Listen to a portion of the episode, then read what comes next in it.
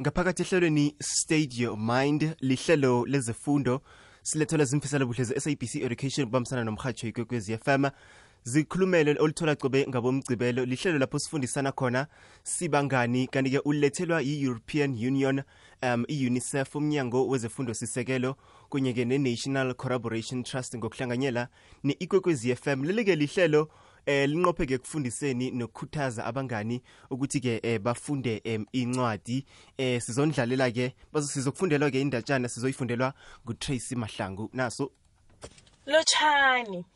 Ibizo lami nginguTracy Mahlangu, utitshere eSomakata Primary School esifundeni sangeLimpopo. Siyanamukela esiqithaneni sethu sanamhlanje esithabisako osilethelwe yi-European Union, i-UNICEF, uMnyango Wefundo Sisekelo, i-National Education Collaboration Trust ngokubambisana nekwekwezi FM. Esiqitshaneni sethu sanamhlanje sizobe sikhuluma bona abantwana bafunda njani ukufunda. Sizoqalelela khulu ukuqakatheka kokufunda, izakhi zokufunda kanye nendlela zokufunda ongazisebenzisa umbelethi ukuthuthukisa ikghono lokufunda lomntwanakho. Siyathemba ilwazi leli lizokusiza khulu. Kuqakatheke ngani ukufunda? Ukufunda kuyingxenye eqakatheke khulu yokuphumelela komntwana emfundweni zakhe. Kunje, amaphesente amachumi alikhomba nesithandathu, 76 percent, wabantwana ebafunda ibanga lesine eSewula Afrika abakghoni ukufundela ukuzwisisa. Kungaba ngesingisi namkha ilimi labo lekhaya. Lokho kutjho bonyana mnengi umsebenzi esifanele siwenze ukusiza abantwana bathuthukise ikghono labo lokufunda. Umsebenzi lo akusiwo wabotitjhere kwaphela. Ngesikhathi bafundisa abantwana ukufunda ngesikolweni, ababelethi fanele babasekele ngekhaya. Kunamaqhinga, imidlalo neendlela ezinengi ongazisebenzisa ukwenza lokhu. Ehlelweni lanamhlanje ngizobe ngikupha zona. Kokuthoma kufanele sizwisise ukuqakatheka kokufunda. Kunengi abantwana abakuzuzako nabafundako. Abantwana abafundako baba nelwazi magama elidluleleko. Baba nelwazi elingcono elijayelekileko, basebenze ngcono eencwadini zabo zesikolo. Balalela ngokuzimisela nangokurhuluphela. Banobukghwari bokuzitlamela bebasebenzisa ingqondo yabo ngokudluleleko. Enye yezipho eziqakathekileko nezithuthukisako esingazipha abantwana sisipho sokufunda. Izakhi zokufunda. Ukufunda likghono woke umntwana angalifunda abe nalo. Esikolweni bafundiswa ukuthuthukiswa ikghonweli. Bafundiswa bonyana kufundwa njani amagama atloliweko. Bafundiswe ukuzwisisa lokho abakufundako. Lokhu kokubili kuqakathekile ekuthuthukiseni umfundi osathomako. Kunento ebizwa ngesayensi yokufunda. Lokhu kulirhubhululo elenziwe bososayensi bokufunda elisitjela bonyana abantwana bafunda njani ukufunda neendlela eziphuma phambili zokufundisa abantwana ukufunda. Sewuzibuza bona ufunda njani-ke umntwanakho ukufunda? Ukukhuluma likghono elizizela ngokwemvelo emntwaneni. Ukufunda khona akuzizeli ngokwemvelo. Abantwana kufanele bafundiswe ukufunda. Esikolweni bafundiswa lokhu ngendlela enqophileko. Bafundiswa ukuzwisisa okutloliweko, ukwazi imidumo yelimi elikhulunywako, ukuhlanganisa imidumo namkha amatjhada nalokho okutloliweko. Phezu kwalokho, bafundiswa ilwazi magama nokufunda butjhelela ukubasiza bonyana bazwisise lokho abakufundako. Nangabe umntwanakho usatlhaga ukufunda, ngineendaba ezimnandi. Usesenethuba lokumthuthukisa, lokuthuthukisa ikghono lakhe lokufunda. ngokubambisana notitshere kunendlela zokumsiza abe mfundi ongqono abanye bangafunda msinya ukufunda kodwana bonke abantwana banalo ikghono lokufunda. Asiqale ezinye zendlela ongazisebenzisa ukusiza abantwana babe bafundi abahonako into yokuthoma esingayenza kubasiza balimuke imidumo namachata umntwana udinga ukuzwa ukuhlukana kwamachata nemidumo yelimi elikhulunywako. Lokhu kubizwa i-phonemic awareness.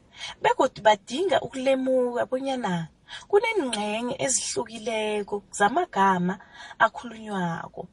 Amagama enziwe ngezakhi ezihlukileko. Lokhu kubizwa i-phonological awareness. Kunemidlalo elula eningayidlala nomntwana ukuthuthukisa ikghonwelimi umdlalo wokuthoma mdlalo wokusiza umntwana bona azi amagama anamatjhada afanako obizwa i-rhyme game. Umdlalo lo wenziswa bunjesi. Umbelethi utsho amagama anamatjhada afanako. Ngemva kwalokho umntwana naye atjho amagama awaziko anamatjhada afana namagama atjhiwo mbelethi umbelethi angathi lula luma. Umntwana yena atjho amagama anamatjhada la athi luka lusa.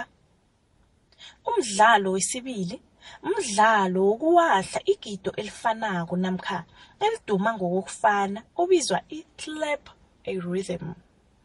Umntwana uvala amehlo alalele ukuwahla kombelethi umbelethi angawahla bunjesi. Ngemva kwalokho umntwana naye alandele ukuwahla kombelethi.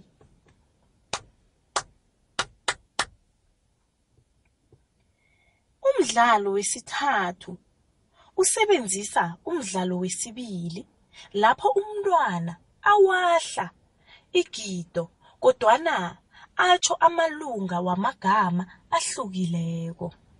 Amalungu la kungaba ngelinye nelinye igama kodwana awahle nakatsho ilungu ngalinye. Ningathoma ngebizo lomntwana.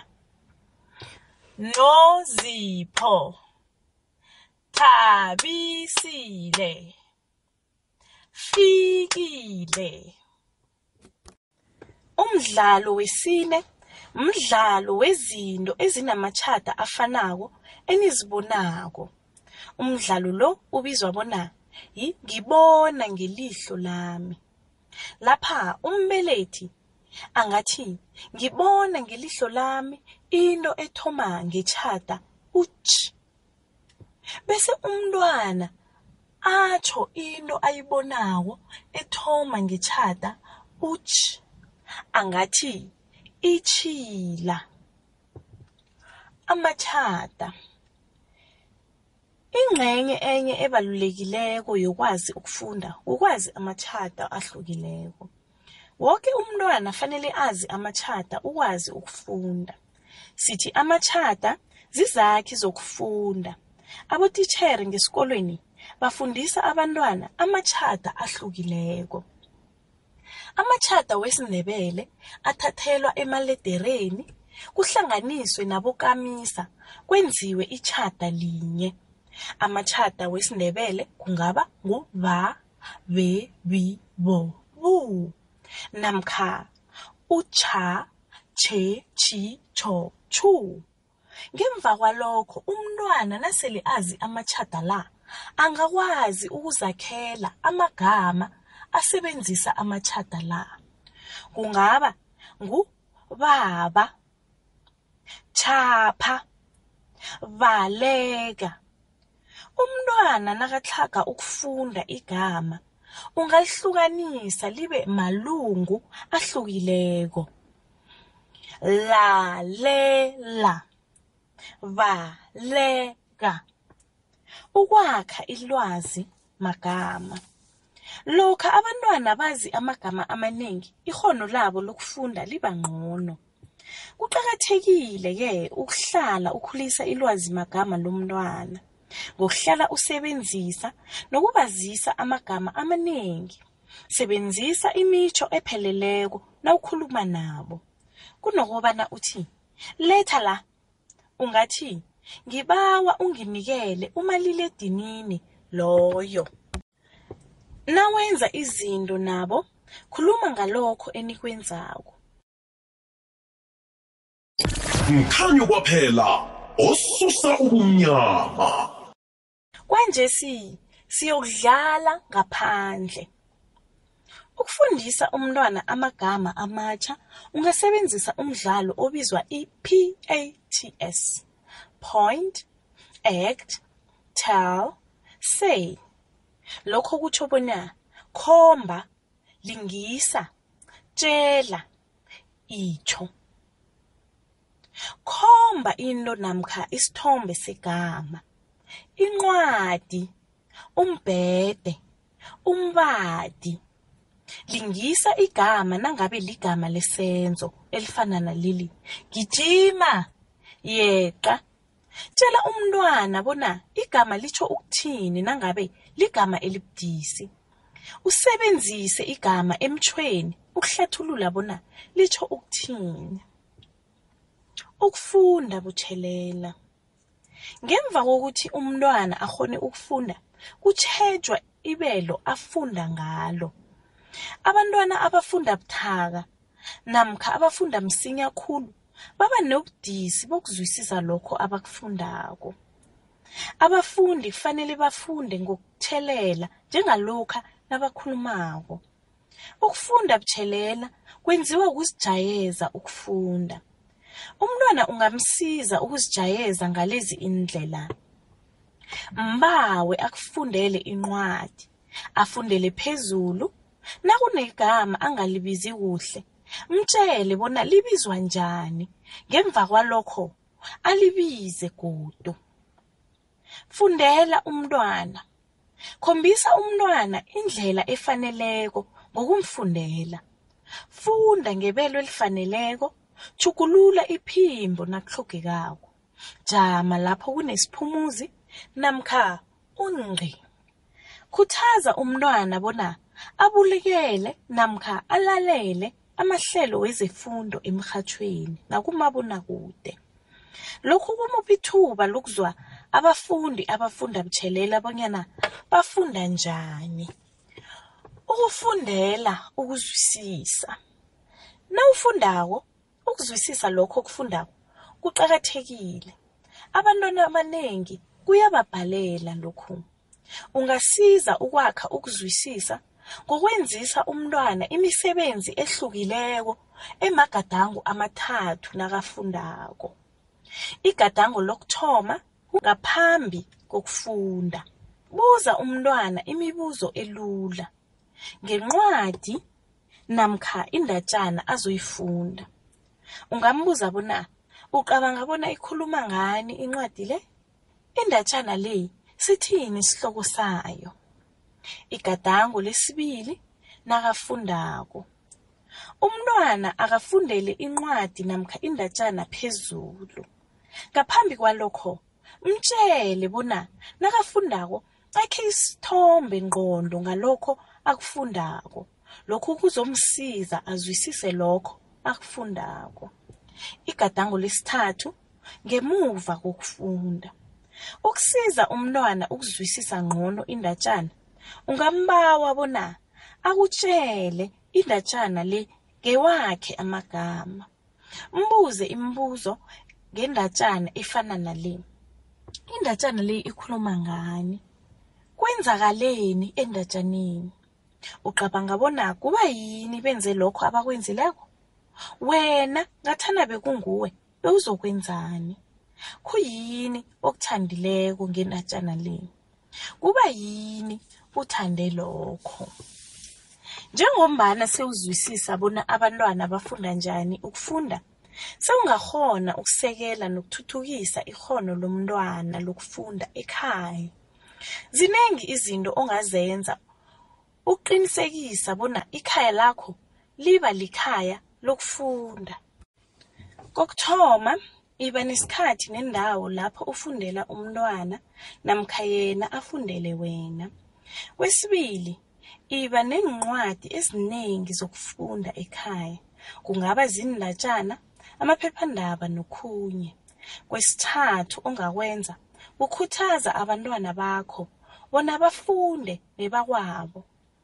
Bangatjelana iindatjana begodu bafundelane iincwadi.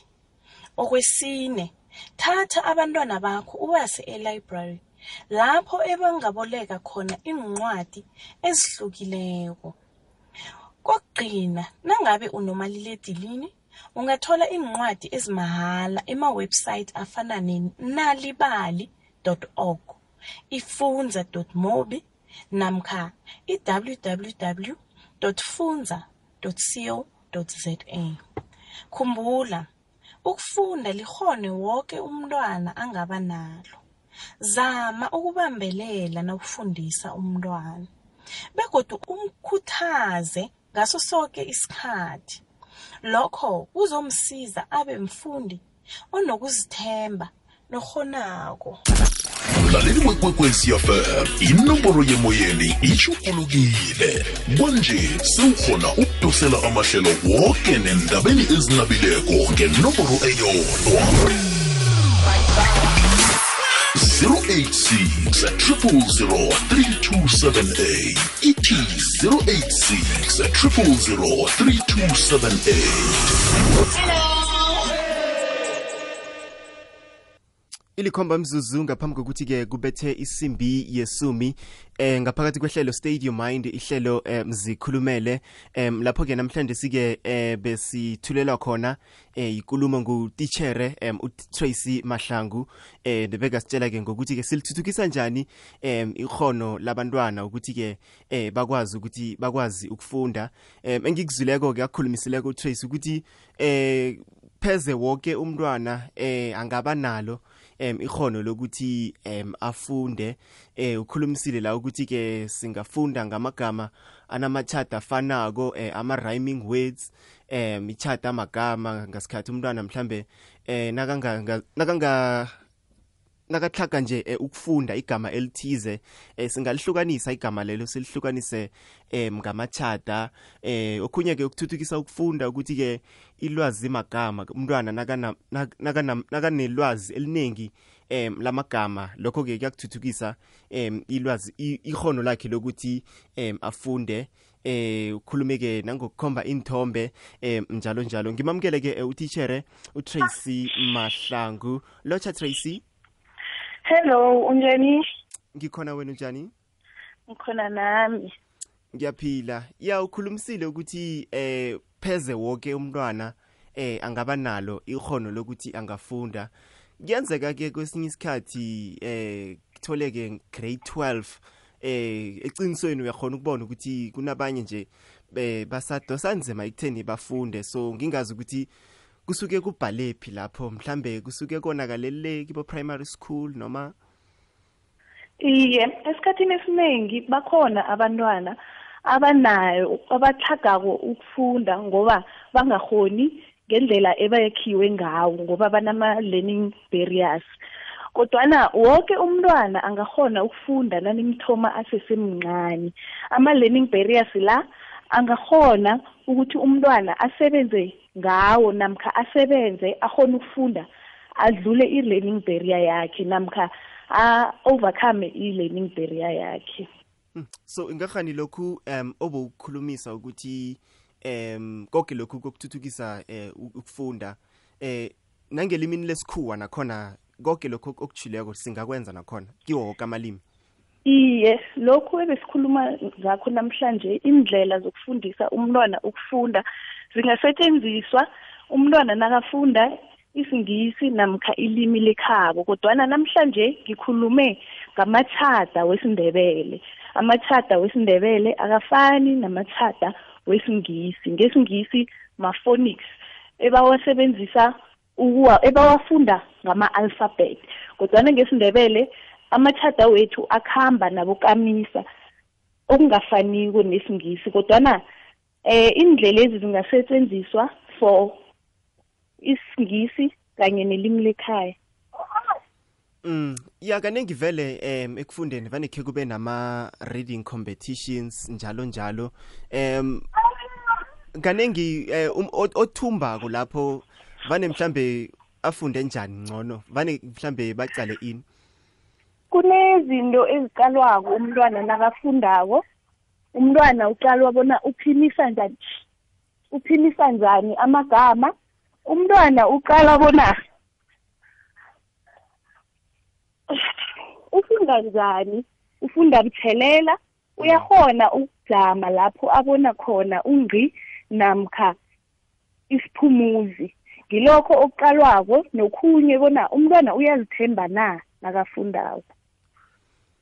Alright mthatha umzuzu ngaphambi kokuthi kubethe um isimbi yesumi